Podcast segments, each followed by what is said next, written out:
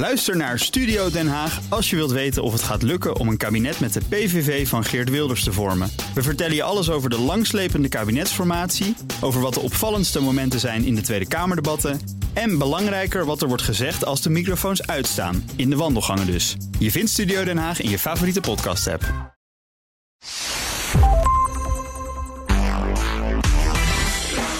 Welkom bij de Ben Tichelaar podcast bij BNR, de podcast over persoonlijk leiderschap. In mijn podcast ontvang ik bijzondere gasten met inzichten en ideeën die ons werk en ons leven verrijken. En in deze aflevering spreek ik met Thijs Launsbach. Thijs Launsbach is psycholoog, auteur en trainer. Hij is expert op het gebied van stress, burn-out en millennials. Hij is docent psychologie aan de UvA en columnist voor het AD en geeft ook les bij de School of Life. Hij is schrijver van bekende boeken als Fucking Druk en Werk kan ook uit. Thijs, welkom. Hartstikke leuk dat je wilde komen. Ja, dankjewel. Ik, ik moet wel één ding toevoegen dat ik inmiddels niet meer bij de UvA werk. Heb ik heel lang met heel veel plezier gedaan, maar dat doe ik Oké. inmiddels niet meer. Oké, maar ik dacht ook wel, je hebt het ook wel heel druk. Hè? Voor iemand die boeken schrijft Ja, over dit onderwerp... dan. moet je op een gegeven moment iets laten sneuvelen misschien. Dat kon dan niet meer natuurlijk. Je moet Nee. wel, eh, het is practice what you preach, hè? Ja, precies. Nou, la- laten we daarmee beginnen. Ik ben altijd gefascineerd door de vraag... eh, waarom is een, een, een schrijver, een onderzoeker... of iemand die doseert over een bepaald onderwerp... waarom is hij daar zo in geïnteresseerd? Hoe is het bij jou gekomen? Waarom is dat onderwerp stress of goed voor jezelf zorgen... of eh, burn-out voorkomen, hè, dat soort thema's... waarom houdt dat jou zo bezig? Nou, ik deed sowieso al veel onderzoek naar eh, het wel en wee van jonge mensen, eh, anno nu. En daar is een hele hoop over te zeggen. Maar dat was eigenlijk, werd gecombineerd met dat ik inderdaad wel op de universiteit aan het werken was als, als docent. En dat ik in een, een, een vrij jong team werkte met allemaal Ja. jonge docenten. Waar op een gegeven moment echt de een na de ander ofwel een burn-out kreeg, ofwel behoorlijk last kreeg van eh, stress. Dus je zag het echt in je omgeving gebeuren. Ik zag het in mijn omgeving. Zag mensen gewoon omvallen. Ja, waren ook. eh, ik hoorde het heel veel in mijn omgeving. En eh goede vrienden en vriendinnen van mij die daar ook behoorlijk last van kregen. En zelf heb ik het nooit, ja, zou ik maar zeggen, tot een burn-out geschopt. Maar ik heb wel mijn eigen uitdagingen gehad met stress ook wel. En ook wel Ja. als ik nu terugkijk, momenten in mijn leven gehad dat ik een wat minder leuk persoon was. En ook me ook behoorlijk minder goed voelde door de stress in mijn leven. Dus dat vond ik super fascinerend. En ook als, je, als je naar de cijfers kijkt. eh, hè, dus, de- je hebt die, die, er wordt elk jaar een onderzoek gedaan door CB, CBS en TNO. eh, naar eh, wat ze noemen psychosociale arbeidsbelasting. En daar zie je ook dat in de algemene bevolking 1 op de 7.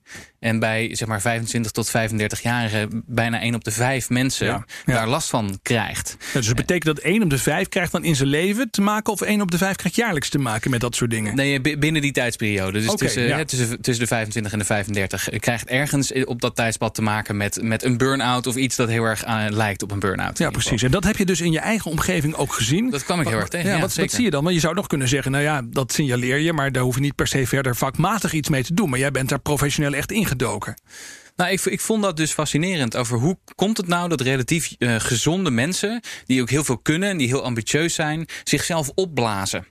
Eh, en als je dat vanaf de ach- hè, we- bekijkt hoe dat er dan uitziet, dat zijn mensen die gewoon niet meer hun werk kunnen doen, bijvoorbeeld, Ja. of echt een periode uit de roulatie zijn. Ehm, en, en echt behoorlijk wel last hebben en zich ook schuldig voelen daarover. En eh, ehm, eh, nou ja, zich behoorlijk eh, ingewikkelde existentiële vragen moeten stellen over wat Ja. wil ik eigenlijk precies of hoe ben ik hier terechtgekomen. In ieder geval dus ergens op hun pad eh, eruit vallen voor een periode van tijd. En we zijn gaan accepteren dat dat, dat, dat echt een, een behoorlijk deel van de, van de werknemers is. Ja, maar dat is een van de dingen die jou verbaast. Als ik dus zeg maar lees Ja. wat jij schrijft... of ik luister wat eh, dingen waar jij eh, bijvoorbeeld interviews hebt gegeven... dat is een van de dingen waar jij je over verbaast... dat we dat gewoon normaal zijn gaan vinden. Dat we het blijkbaar acceptabel en normaal vinden dat een flink deel van de mensen behoorlijk last krijgt van stress. En bovendien zijn het niet alleen de mensen die last krijgen echt van een burn-out. Want dan, dan, dan spreek je ook wel heel ver Ja. op dat scala van, van stressklachten. Maar dat we dus er- in zekere zin zijn gaan accepteren dat behoorlijk last van stress hebben. Of zo'n druk leven leiden dat je daar last van krijgt op de een of andere manier. Dat dat er gewoon bij hoort. Ja, nou laten we dan direct even de koe bij de horens vatten. Ja. Wat is dan een goede manier om, of wel een goede manier om om te gaan met, met stress? Want ik bedoel, zonder stress komt er eigenlijk, is mijn ervaring, komt er soms ook niks uit je handen. Je moet Zeker. soms een beetje druk voelen. Maar Absoluut. elke dag heel veel druk is niet goed. Maar wat, wa- waar, wat is nou het gezonde midden daarin? Waar moeten we naar zoeken? Ja, dat is een, dat is een hele goede vraag. Kom, kom ik zo op terug. Maar wat je zegt klopt heel erg. Want je hebt ook een bepaalde mate van spanning nodig om te kunnen presteren. Ja. Ehm, en mensen die zeggen eh, alle stress is slecht. Of hey, het ideale leven is naar Nepal vertrekken en daar op een bergtop gaan mediteren voor de rest Ja, van je precies, leven. ja. Niks mis mee overigens als dat je ding is. Ik zou dat zelf persoonlijk heel stressvol vinden. Maar Ja, goed, voor sommige Ehm, mensen is dat het ultieme. Ja. dus geen stress is niet volledig uit ons leven te bannen. Hè? Het hoort er gewoon in zekere zin een enige mate van stress bij. En je hebt ook nog het verschil tussen, eh, en dat is denk ik een hele belangrijke om te weten, tussen incidentele stress en chronische stress. Nou, incidentele stress hebben we allemaal wel eens eh, wekelijks, dan wel dagelijks wel eens last van. Hè? Dat zijn die momenten dat je net even wat extra gas moet geven. Ja. Nou, ik zit hier in soms, een podcast. soms, soms letterlijk, hè, om ergens op tijd Precies. te komen. Ja, precies. En ik, zit hier, nou, ik zit hier in een podcast met Ben Tichelaar. Nou, dat is zo'n moment dat, dat we ook Ja, en wel ik ben Thijs Launsbach. eh, Jongen, jongen. Incidentele precies. stress voor mij eh, is. Hè. Ik moet het verhaal goed vertellen. Dat zorgt ervoor dat je, dat je goed kunt functioneren. En misschien net een beetje dat extra kunt geven. Is niet zoveel mis mee. Is ook best gezond voor je hersenen. Hè. Dat af en toe... eh, Dus in, in, jij noemt dat incidentele stress. ja, om dat af en toe te trainen, dat is best wel goed. En eh, je zorgt ook dat je die spier een beetje traint. Je maakt allemaal nieuwe verbindingen aan, hè, als het allemaal een beetje uitdagend is. Dat is iets anders dan chronische stress. En chronische stress is het soort stress dat komt van bijvoorbeeld niet goed op je plek zitten, op je werk, gedoe in je relatie hebben, je zorgen maken om je gezondheid of je zorgen maken om je financiële toekomst. Hè, van die stressoren die niet weggaan. En het interessante, Mhm. nu als ik er zo naar luister, dan zeg je dus zeg, die, eh, zeg je die incidentele stress, die kan soms best een soort piek ook hebben. Dat kan soms misschien wel heel hevig, heel hevig zijn. Ja, ja. En je, in de, wat je nou net schetst, zal ik maar zeggen, als het gaat om die, die chronische stress, dat kan ook zeg maar een soort, soort vervelend gevoel zijn, maar wat telkens maar duurt. Hè? Maar niet met per se hele hoge uitschieters misschien. Ja, precies. Dus dat, het zijn dat soort dingen die dus heel lang aanhouden. Ja. En waar je je Ja. toch rot over voelt. En zeker als ze gecombineerd worden met elkaar, ook echt wel voor stress kan zorgen. En we weten dat die. ehm, die chronische stress wordt geassocieerd met allerlei negatieve gezondheidsuitkomsten. Dus Ja. minder goed beslissingen nemen, eh, mentale problemen, ehm, eh, dus eh, ongezonde levensstijl. En als je dat eh, 20, 30, 40 jaar volhoudt, ook wel last op, kans op wat akelige ziektes of zelfs Ja. vroegtijdig overlijden. Dus niet zo leuk nieuws, maar dat is helaas wel zo. Ja, als je dat weet, krijg je nog meer haast, denk ik dan. Dat is ook, ook niet goed, maar goed. Nou ja, de truc is dan om, om af en toe wel wat incidentele stress in je leven toe te laten, maar die chronische stress zoveel mogelijk te vermijden. Precies. En dat onderscheid moet je dus echt Ja. leren herkennen ook bij jezelf. Je moet dus ook weten van nou, dit is incidenteel, dat is chronisch. Chronisch is slecht, daar moeten we vanaf. Ja, precies. En, en dat is natuurlijk de vraag, hoe doe je dat dan? Nou, de eerste vraag, dat zijn eigenlijk drie stappen. En er zitten heel veel stappen onder, maar goed, laten we Ik het ga, ik ga het bij. We gaan, er doorheen, we gaan er doorheen lopen. Ja, Drie één. stappen om van die chronische stress af te komen. Eén, het ding is met stress dat het met verschillende mensen verschillende dingen doet. Dus niet voor iedereen zijn die stresssignalen hetzelfde. Wat betekent dat? Dat betekent dat je je eigen stresssignalen heel goed moet, kunnen, eh, moet weten van jezelf en kunnen herkennen. Oké. Er zijn veel voorkomende stresssignalen. Hè? Last van je nek, eh, slecht slapen, zagrijnig worden naar de mensen om je heen, last krijgen van je rug, ehm, eh, vluchtgedrag in alcohol of drugs. Hè? Dat, dat zijn een aantal van die, van die stresssignalen. Ja, mensen zitten nu thuis en gewoon echt mee te schrijven. Turven, ja. turven, Ja, ja. er zijn ook op Last van je nek, slecht slapen, eh, wantrouwig of onaardig doen naar mensen om je heen. Hè, dat soort dingen inderdaad. Ja. Bijvoorbeeld. En hè, dus er zijn er veel meer. En er zijn ook hele mooie lijsten te vinden op internet waar je echt een beetje kan, kan turven. Ik zou zeggen eh, eh, dat dat over jezelf zou basiskennis moeten zijn. Je moet echt Ja. van jezelf weten wat zijn de signalen die ik in de gaten moet houden. Want de kans is gewoon heel groot, en dat gaat ook gebeuren, dat je soms toch een beetje in het rood zit. Ja. En dat wel moet registreren van jezelf. Precies. En als dat metertje daar staat, dan moet je dat herkennen. Ja, precies. Hè? Dus ik gebruik ook wel eens de metafoor van de gele vlag. Hè? Als je Formule 1 hebt, ik kijk zelf niet zo heel veel Formule 1, maar ik weet wel dat als je als coureur een gele vlag te zien krijgt, Ja. dat betekent dat je moet even je voet van het gaspedaal halen en je moet even rustiger gaan rijden, want er komt een gevaarlijke situatie Hm. aan. Nou, ik zou zeggen, die eigen gele vlaggen, die moet je weten van jezelf. Goeie, dat is de eerste. Dat ja. is één. Twee, gaat dus over goed voor jezelf zorgen. Ja. Voel me altijd een beetje mijn moeder als ik dat zeg eh, in een gesprek of tegen een groep, maar toch. Ja, ik vond het wel, mooi. Wij spraken elkaar op een gegeven moment en toen, toen zei je, ja, dat is toch eigenlijk, eigenlijk wel heel belangrijk. Goed voor jezelf zorgen. Ik dacht, ja, dat, dat klopt. Dat is inderdaad bijna vaderlijk of moederlijk advies. Ja, Ja. het is- een tikkeltje paternalistisch, dat, dat ben ik met je eens. Eh, maar het is wel heel belangrijk. En dat heeft ermee te maken dat we er nu steeds meer in onderzoek ook achter komen dat je fysieke staat enorm veel invloed heeft op je mentale staat. Oké. Dus hoe beter jij in je vel zit fysiek gezien, gezien, hoe meer jij mentaal aan kunt, hoe meer stress je ook aan kunt. Nou, waar bestaat het dan uit? Een gezond slaappatroon. Ja. Dus dat is in ieder geval genoeg slapen, maar ook een, een patroon waarbij je min of meer op hetzelfde moment naar bed gaat en min of Ja. meer op hetzelfde moment wakker wordt. ja, als je denkt van ik ga vannacht eh, eh, drie uur later naar bed, want dan sta ik ook drie uur later op, dan bedrieg je jezelf nog steeds een beetje, heb ik Ja, nou, kan wel af en toe. Je hebt natuurlijk wel eens een feestje of weekend. Hè? Dus, maar laten we zeggen voor 80% van je tijd dat je een bepaald patroon daarin hebt. Ja. Nou, wat, waar bestaat het nog meer uit? Gezonde voeding. Gezonde voeding. Nou, er zijn mensen die daar heel veel over weten. Ehm, ik, niet, zo- ik ben geen, geen, eh, eh, geen diëtist. Maar ik weet wel dat dat, uh, dat, dat het in ieder geval genoeg moet zijn. En Ja. dat je genoeg uh, groene groenten moet hebben. Ja, en precies. Het advies is op- bijna ja, altijd: je moet meer groente eten dan je nu eet. Ja, precies. Ja. Ik heb wel eens gehoord van iemand die zei als uh, dieetadvies. Hè, je moet eigenlijk niet zo'n dieet volgen, maar je moet gewoon als een volwassene eten. Daar komt het eigenlijk op Oké. neer. Eh, vond ik wel een hele goeie. Dus eh, de gezonde voeding, bewegen. Ja. Ehm, nou ja, dat, eh, daar zeggen ze nu van minstens een half uur per dag. Ja. Eh, de truc is dan wel dat je niet een dag kan overslaan en de volgende dag twee keer zoveel doet, want zo werkt het niet. Maar dat maakt, eh, eh, dat kan high intensity interval training zijn, of dat kan gewoon flink doorstappen zijn. Maar in ieder Ja. geval een half uur per dag. Dat heeft ook heel erg te maken Kies met iets wat bij je past, zodat je het in ieder geval vaak zult doen ook, denk ik Precies, dan. Ja. precies. Ja. Nou, wat kun je verder nog meer bedenken? Uitkijken met alcohol en drugs en met cafeïne bijvoorbeeld. Hè? Dat zijn van die dingen, van die oppeppers. Ehm, zorgen dat er elementen van spel in je dag zijn. Oké, dat is wel fijn om te horen. Want tot nu toe denken de meeste mensen, als ze hier naar luisteren, en ik ook een beetje, nou, dat, dat zijn allemaal kenmerken van een heel saai leven. Allemaal dingen die ik niet mag. Allemaal dingen die Ja. je niet mag. Maar spel is dus iets wat ook werkt, wat, Ja. positief is. Leg eens uit, je hebt wat je voor manier? ernstige werkmodus en je hebt een, een, een spelender kant van jezelf. En het is heel goed om die af en toe met elkaar eh, te, om, om die te switchen, te switchen tussen die twee. En dat kan heel veel dingen zijn. Dat kan eh, muziek maken zijn met andere mensen. Dat kan een, letterlijk een eh, eh, gezelschapsspel zijn. Dat kan even stoeien zijn met je huisdier of met je kinderen. Hè, eh, het- Als ik zo teamsport, hoor, denk ik, we moeten weer terug naar de hobby gewoon. We hebben gewoon weer een hobby nodig. Zorg in ieder geval dat je dat ergens in je week hebt. Ja. Ehm, Ja. en Het liefst ergens in je dag. Dat je af en toe momenten hebt dat je er even in die spelende modus kan. Leuk. En zorg dat je af en toe momenten hebt dat je juist zo min mogelijk prikkels tot je neemt. Oké. We zijn gewend om de hele dag podcast te luisteren, telefoongesprekken te voeren, te vergaderen, al dat soort dingen.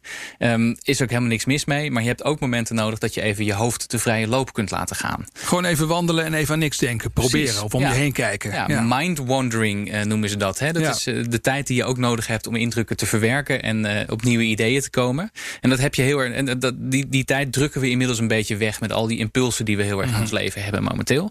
Maar die heb je wel echt nodig. Dus de- eigenlijk de reden ook dat mensen vrijwel stevast zeggen: eh, onder de douche, daar denk ik het beste na. Ja, ja, dat hoor je vaak. Krijg je de beste idee. Maar toch, als ik dit zo hoor, wat je nu schetst, hè, dit, Ja. dit patroon, zo leven.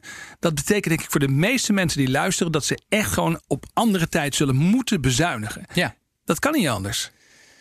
Tenminste, hoe, Nee, hoe, maar- kijk- hoe nee, kijk je ernaar? We zijn nog maar bij punt 2. Maar ik begin nu toch al een klein beetje al, al, al beer op de weg te zien. Dat ik denk, Ja, nou, dat, dat, je moet echt in je agenda gaan schrappen. om Dat allemaal mogelijk te maken. En gewoon. dat, dat is denk ik eh, ook wel een van de dingen die, ik- die ik steeds meer ben gaan inzien. In, in dat dit gaat niet zozeer over wat er nu van jou verwacht wordt deze week of vandaag. ehm, op de korte termijn. Is ook super belangrijk dat je dan je doelen haalt. Maar eh, ook belangrijk, of minstens even belangrijk, is dat je een soort modus van werken, een modus van leven vindt. die je 10, 20, 30, 40 jaar kunt volhouden op een gezonde en gelukkige manier. Ja. En dat, is, dat noemen ze tegenwoordig duurzame inzetbaarheid of duurzaamheid. ehm, eh, of vitaliteit noemen ze dat ook wel eens. Hè? Dus dat is een beetje die kant. Zorg dat je dus op een manier, een manier voor jezelf vindt die je langere termijn vol kunt houden. Dus het eerste was zorg dat je de stress leert herkennen. Ja. Het tweede was goed voor jezelf zorgen. En Ja. nu gaan we naar punt 3. Vertel. Ja, punt drie zijn eh, echt die, die, die duizenden dingen die je kunt doen om je werkdag te optimaliseren.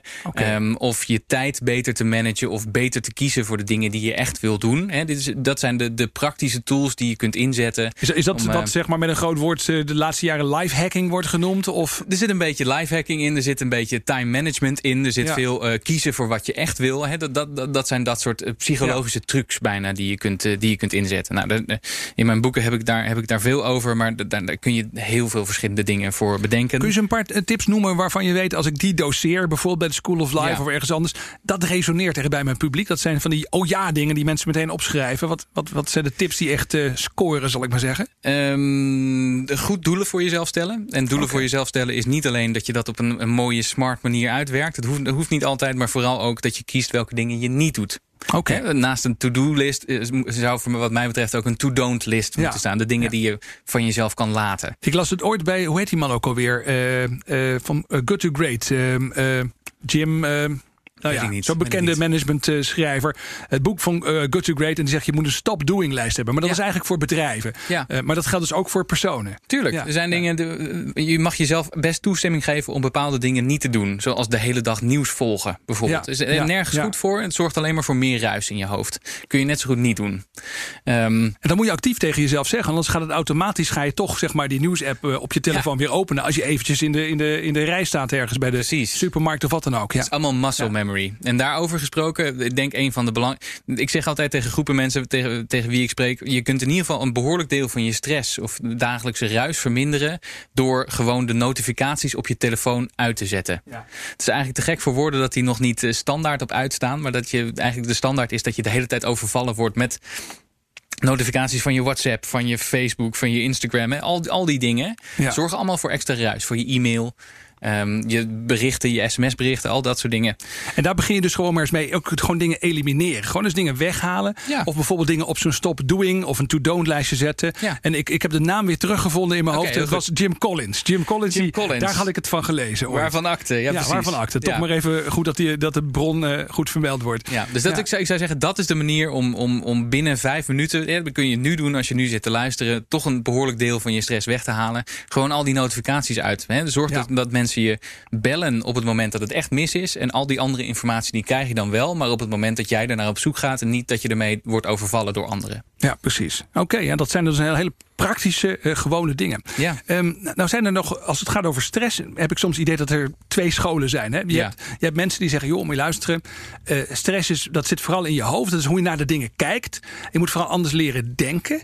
En ik hoor bij jou ook heel veel praktische adviezen die vooral in de sfeer liggen van, nou, je moet toch anders dingen, uh, ja, dingen gaan doen. Dus je agenda anders indelen of notificaties uitzetten. Dat zijn hele praktische dingen. Um, zijn dat echt twee scholen? Of, of kun je dat ook goed met elkaar combineren? Heb je ook denktrucs, zal ik maar zeggen, voor de mensen? Nee, de vraag stellen is hem eigenlijk al eh, beantwoorden. Hè? Dus het is, het is eh, inderdaad beide. En ik denk dat we een beetje te vaak blijven hangen in het idee... stress is iets dat in je hoofd zit. En dus door, door er anders over na te denken... en door anders naar de wereld te kijken... kun je die stress weghalen. Ja, ja dus dan krijg je dingen als omarmde stress... of laat je niet van de wijs brengen of whatever. Maar, is ook zo. Het is zeker een component ervan. Een ander component heeft te maken met je lichamelijkheid. Hè, met, je, met je fysiek.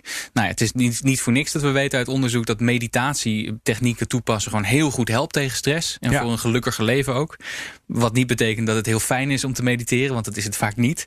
Um, dus dat gaat meer over de lichamelijke kant van de zaak. En dan heb je ook nog de gedragskant van, van de zaak. Stress is ook iets dat je doet. En dat heeft te maken met welke keuzes maak ik in mijn leven. Zorg ik, probeer ik zoveel mogelijk tegelijk te doen. Of kies ik een aantal dingen uit waar ik me op wil focussen. Dus het gaat over denken, het gaat over gedrag en het gaat over je lichaam. Oké, okay, is goed om dat even te onderscheiden. Dat er dus meerdere fronten zijn waarop je, waarop je eigenlijk aan het strijden bent ook tegen de stress. Zeker. En ook dingen kunt verbeteren. Ja. Nou is een van de dingen die dus in jouw werk uh, een soort rode draad is geweest in de afgelopen jaren. Je noemde het net al even in het begin. Uh, dat je dit dus met name ook bij jonge mensen ja. ziet. Uh, waar komt dat nou vandaan? He, er, er, wordt veel over gezegd. Sommige mensen zeggen ja, millennials zijn helemaal niet anders dan, laten we zeggen, de doorsnee bevolking. Andere mensen zeggen nou, millennials zijn heel, millennials zijn heel speciaal. Ja. Maar in ieder geval één ding kun je met zekerheid vaststellen. Het aantal stressgerelateerde klachten, het aantal stressgerelateerde klachten, zoals we dat net al benoemd in het begin, ja. uh, is in ieder geval volgens de CBS TNO-cijfers hoger dan bij de gemiddelde bevolking. Ja. Hoe kan dat? Waarom juist bij die groep, bij die jongeren? Ja, dat vind, ook dat vind ik een, een fascinerende vraag. Uh, een vraag die ik zo belangrijk vind dat ik daar ook een heel boek over heb geschreven. Ja, maar precies. Laten, ja. we, laten we even heel erg plat slaan. Hè. We hebben het dus over de mensen die millennials. Dat zijn de mensen die geboren zijn tussen de 1980 en de 2000. Dus ja. de mensen die nu tussen de 20 en de 40 zijn. Um, en we weten dus dat die stress wel ietsje hoger is dan bij, de, dan bij de, de andere groepen in de samenleving.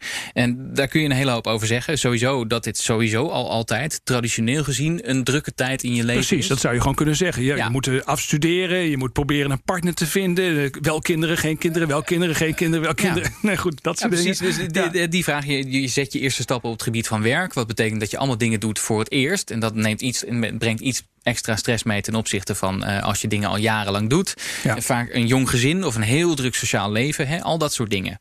Dat is eigenlijk altijd al zo.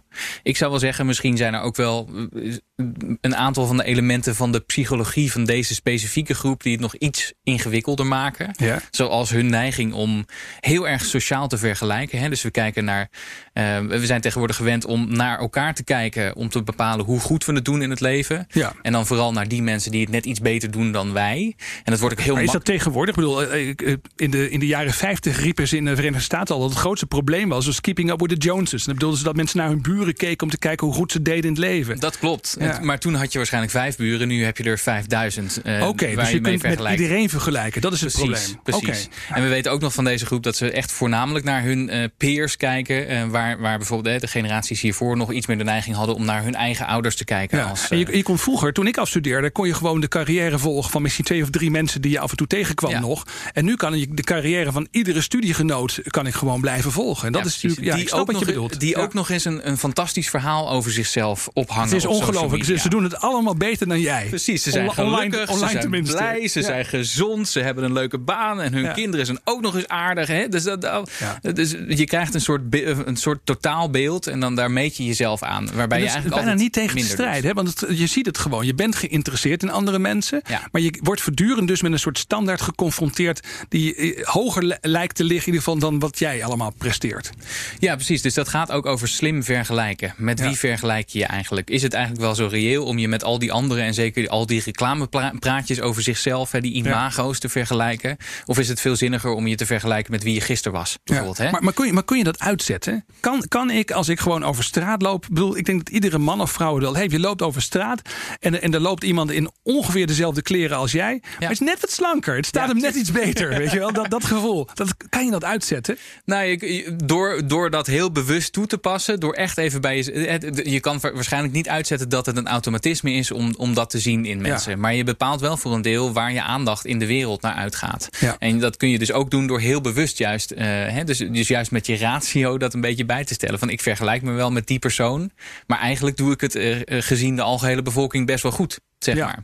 Ja. Um, en dan, dan gaat misschien dat, dat, dat het gevoel van een beetje ik haal het niet, van, dus oh ja, ik ben precies, een loser, gaat er een beetje vanaf. Ik snap het. Dus eigenlijk moet je zeggen, ja, oké, maar offline ben ik beter. Dat, dat gevoel misschien. Precies. Dus ik, ik heb veel leukere hobby's of uh, ik ben veel beter belezen dan die hele slanke man in diezelfde kleding. Nou, dat, dat, dat, soort, dat, dat soort slim vergelijken. Dus dat is denk ik één, hè, dus je sociale vergelijking. En ik denk ook wel dat het een groep is die, en we hebben het nu over gemiddelde, hè, dus individuen zullen verschillen. Maar die over het algemeen, eh, algemeen is opgevoed met het idee: jij kunt worden wie je, bent, wie je wil of wat je wil, als je maar hard genoeg je best doet. Ja. Met, eh, dat, dat stelt je natuurlijk in staat om heel veel interessante dingen te doen en in jezelf te geloven. Maar vaak ook wel geloof je dan het tegenovergestelde. Als het niet lukt, dan is het je stomme eigen schuld. Ja, dat is toch een beetje een soort Amerikaanse droom. die ook in het hoofd van de gemiddelde Hollandse jongeren. Die, die maakbaarheidsgedachte. Ja, precies, een plek heeft ingenomen. Ja, ja. ja. Uh, en we zijn sowieso heel erg uh, elkaar en onszelf gaan beoordelen. op wat we presteren in de buitenwereld. En, hè, dus dat, dat, dat, dat, zijn dingen die de prestatiedruk onder die groep wel iets omhoog brengen, zou ik zeggen. Ja,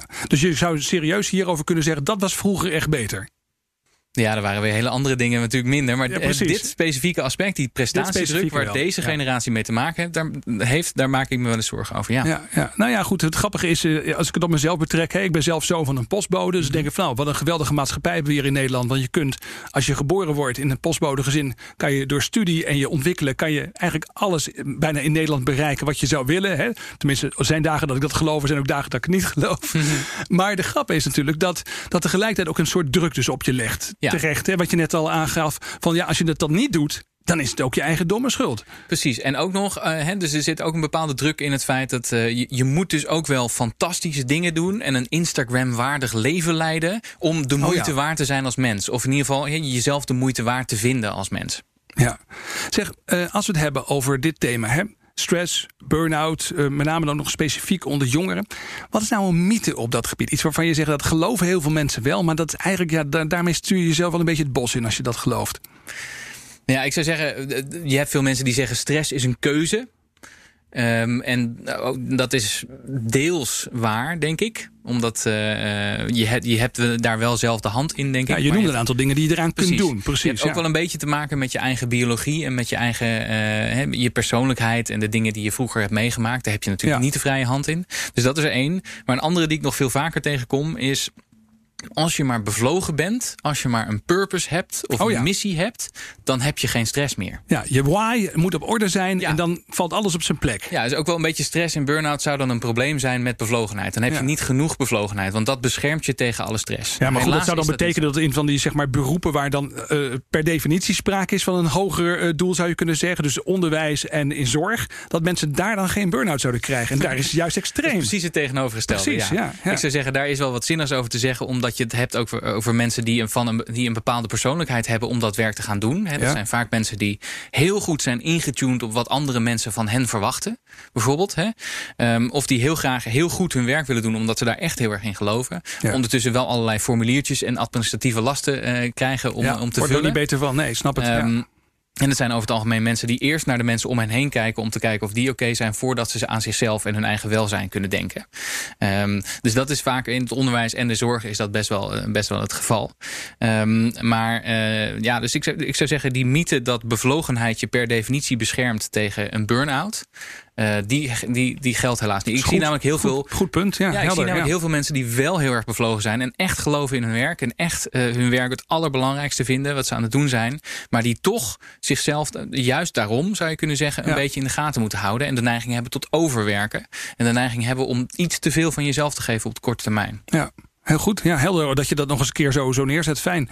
Ehm, de slotvraag. Wat is jouw mediatip? Als we nou denken, goh, dit is heel interessant deze materie. Wat moeten we nou lezen? Behalve jouw boeken. Hè? Maar zijn er nog dingen waarvan je zegt, dat wil ik graag aan mensen meegeven? Kijk daar eens naar of lees dat eens. Nou ja, ik, ik, ik- laat ik een klein beetje wegveren van het stressonderwerp. Want daar heb ik zelf heel erg over geschreven. Ehm, maar ik blijf natuurlijk wel veel lezen. En ik heb net een boek uit dat, dat ik hier voor me heb liggen. Dat heet How Emotions Are Made. Ja. Wie is de schrijver daarvan? Oké. Lisa Feldman Barrett. En dat is, ik vond dit fascinerend. Dus herhaal de titel nog even. How Emotions Are Made. Ja. Door Lisa Feldman Barrett. Um, en wat zij eigenlijk beschrijft in dat boek is dat alles dat wij denken te weten over emotie, of wat wij hebben gedacht de afgelopen 50 jaar, dat dat niet klopt. Oké. En en passant haalt ze nog een aantal andere uh, hete hangijzers aan binnen de psychologie. Uh, maar ze zegt eigenlijk, je hebt zelf heel erg de hand in hoe je emoties ervaart. Oké. Emoties is, uh, zijn niet Is zij iets dat je- onderzoeker op dat gebied? Waar haalt ze ja, haar ja, kennis zij, vandaan? zij is ho- hoogleraar hier op dit gebied. ja, dus ze heeft ook recht van spreken. Zij heeft keer. recht van spreken, Ja, precies. Ja. Wat natuurlijk ook een beetje een bias kan zijn. Hè? Uh, maar d- ik, ik, ja, ik vond het fascinerend. Omdat ze eigenlijk zegt... Uh, hoe beter je emoties begrijpt... en hoe beter je uh, gevoel voor emotie wordt... Uh, hoe, hoe, hoe, hoe beter dat is voor je, voor je welbevinden... en hoe minder Ja. je snel je overvallen wordt door emoties. Want, want zij zegt, emoties die maken we zelf... en daar worden we niet van buiten door overvallen. Oké, dat is interessant. Er is Ja. ook trouwens, het is een heel dik boek en fascinerend als je daar de tijd voor hebt. Maar ze heeft ook een uh, lezing, een, een cinematische lezing eh, staan. Waarin ze dit ook met beeld ook uitlegt. Uh. Dus dat kan je op YouTube ook vinden. Oké, dat is hartstikke mooi. Dan moet je nog even één keer een naam eh, noemen, zodat ik hem kan intikken op Google. Uh, het is Op Lisa. Veldman Barrett. En als je op Lisa Veldman Ja. Barrett. Uh, Barrett. en als je op YouTube zoekt op How Emotions, uh, emotions Are Made, dan kom je, kom je er ook terecht. Dus voor de mensen die zeggen, laat dat dikke boek even liggen. Of ik begin eerst met een video. Hartstikke mooi. Goede ja, tip. echt uh, fascinerend. Erg bedankt Thijs voor het eh, delen van je inzichten met ons. Hartstikke mooi dat je wilde, wilde komen. Heel graag gedaan. Ja, dit was de Ben Tichelaar podcast bij BNR met als gast deze keer Thijs Launsbach. Vond je dit nou interessant, dan kun je een paar dingen doen. Check de andere afleveringen via bnr.nl of je favoriete podcast app. Abonneer je, dan hoef je geen aflevering te missen. En deel deze podcast met andere mensen, collega's, vrienden. Iedereen die wel iets kan leren op het gebied van stress zou ik willen zeggen. Of die wel wat inspiratie kan gebruiken in zijn werk. Bedankt voor het luisteren en tot snel. Bij BNR ben je altijd als eerste op de hoogte van het laatste nieuws. Luister dagelijks live via internet. Bas van Werven. En heel langzaam komt de zon op rond dit tijdstip. Je krijgt inzicht in de dag die komt op BNR, het Binnenhof in Nederland en de rest van de wereld. De Ochtendspits. Voor de beste start van je werkdag. Blijf scherp en mis niets.